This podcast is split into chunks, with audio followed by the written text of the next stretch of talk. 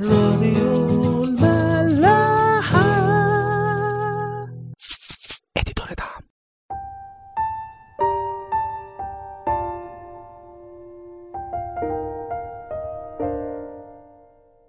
مساء الخير واهلا بيكم في حلقة جديدة من عيش وملح.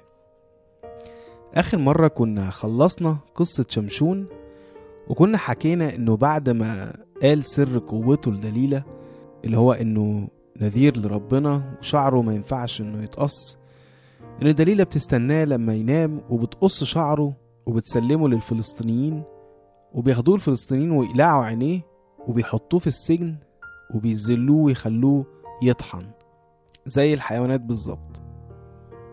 بعد كده بيعملوا احتفال في بيت كبير جدا للإله بتاعهم اسمه داجون وبيقعدوا بقى يمجدوا في الإله ده عشان سلم لهم شمشون وبيطلبوا يجيبوا شمشون من السجن عشان يلعب قدامهم ويستهزئوا بيه وكده.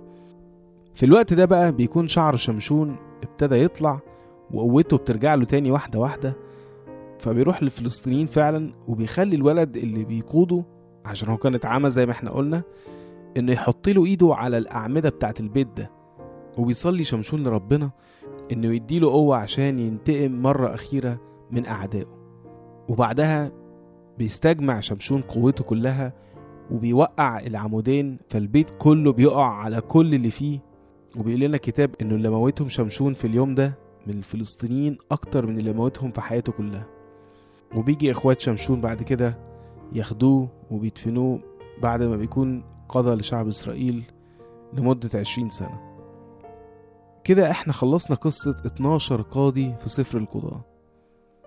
وبيفضل لنا في السفر ده قصتين.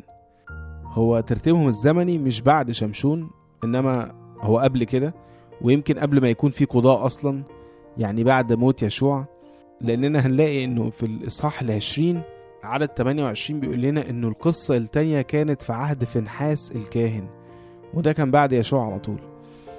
بس هما بيوروا لنا مدى البعد والتخبط اللي كان فيه شعب إسرائيل في كل المرحلة دي. وكان القاضي غالبا بيجي لدور معين عشان يخلص شعب إسرائيل من ضيقة معينة زي ما شفنا جدعون وزي يفتح الجلعادي. وحتى القضاة دول هنلاقيهم كانوا بيتصرفوا ساعات بطريقة ما تلقش بولاد ربنا ولا بناس كمان المفروض إنها تكون بتقود الشعب إنه يكون مع ربنا. هنلاقي إنه جدعون في فترة من حياته عمل الأفود الذهب واتسبب إنه في ناس كتير زانت وراه وهنلاقي إن يفتح عمل ندر إنه يقدم ذبيحة بشرية لربنا واضطر في الآخر إن هو يذبح بنته ويرفعها ذبيحة. وكل الحاجات دي كانت تأثر من العادات الوثنية اللي كانت حواليهم. فإن كان القضاة كانوا بيقودوا الشعب للخلاص من المشاكل الجسدية إنما روحيا الكل كان عايش في تخبط. عارفين ربنا آه وبيسمعوا عنه بس كل واحد بيعبده بالطريقة اللي هو شايفها عشان ما بقاش فيه قيادة بتنفذ كلام ربنا بالظبط زي ما كان وقت موسى ووقت يشوع. إنما كل سبط أخد الأرض بتاعته واستهون بوصية ربنا إنه يكمل جهاده ويطرد أعدائه منها زي ما قلنا وبالعكس دول ابتدوا يتأثروا بيهم كمان وبعدين كانوا ممكن أعدائهم دول يتقلبوا عليهم وبقى كل سبط عايش مع نفسه. وزي ما هنلاقي كذا مرة في الإصحاحات اللي فاضلة جملة كده بتتكرر وهي إنه في تلك الأيام لم يكن ملك في إسرائيل كان كل واحد يعمل ما يحسن في عينيه. كل واحد بقى بيعمل اللي هو عايزه. هو مش معنى الجملة دي إنه شعب إسرائيل انحدر روحيا بسبب عدم وجود ملك لأنه زي ما هنشوف حتى بعدين إنه إزاي لما شعب إسرائيل هيطلب ملك زي الشعوب التانية صمويل النبي بيزعل قوي بيروح لربنا يشتكي له وربنا بيقول له اسمع لصوت الشعب في كل ما يقولون لك. لأنهم لم يرفضوك أنت بل إياي رفضوا حتى لا أملك عليهم. فربنا ما كانش عايز إنه شعب إسرائيل يكون ليه ملك زي بقية الناس عشان يفضل هو الملك المباشر بتاعهم ومحدش يتسلط عليهم. إنما معنى جملة إنه لم يكن ملك في إسرائيل وكل واحد كان بيعمل ما يحسن في عينيه إن الدنيا بقت فوضى. ما بقاش في نظام كل واحد بيعمل اللي هو عايزه سواء جسديا أو روحيا.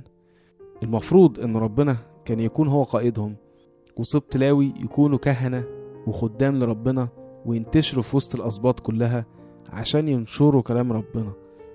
إنما برضو ده ما حصلش زي ما هنشوف بعد كده. وده يبين لنا إزاي إنه أكتر حاجة تتعب الكنيسة وتبهدلها هي الفرقة وإننا ما نكونش جسد واحد. ولينا راس واحدة هي المسيح.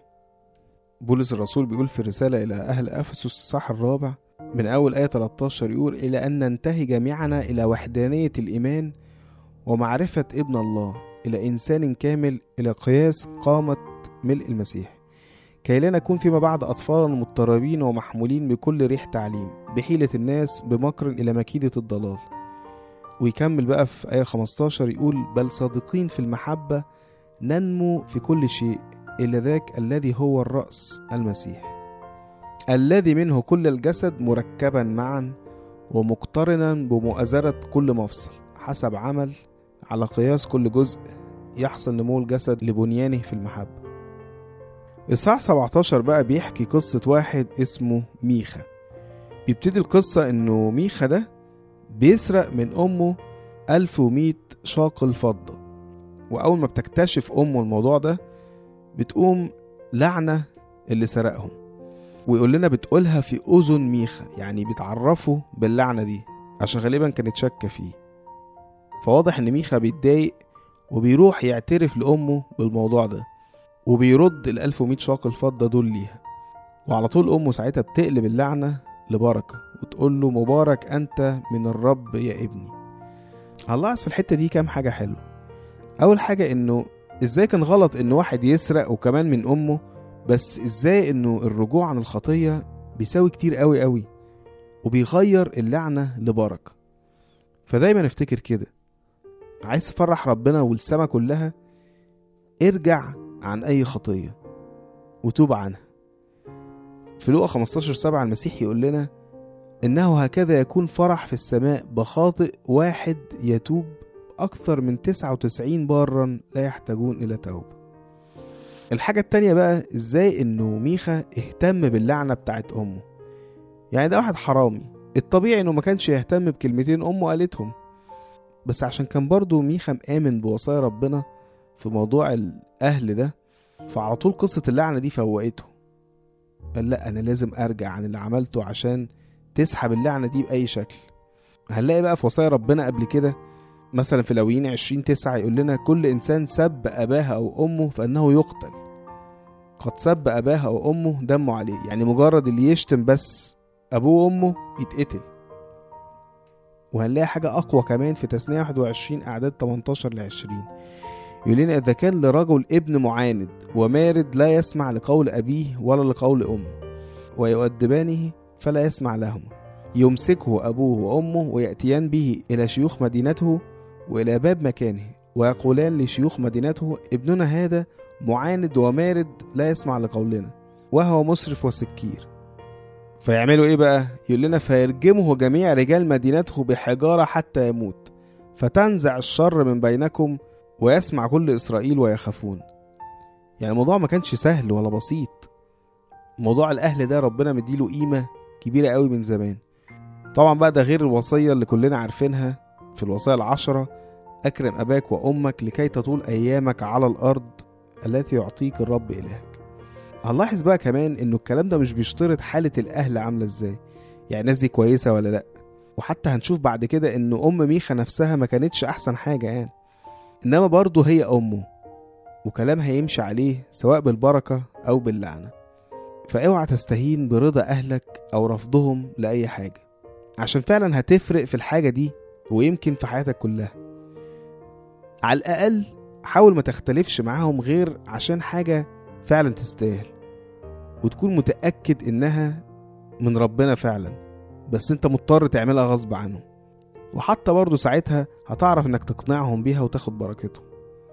ربنا مدي الأهل سلطان كبير قوي على عيالهم. فاستخدم السلطان ده لصالحك. نشوفكم بكرة. راديو ملاح.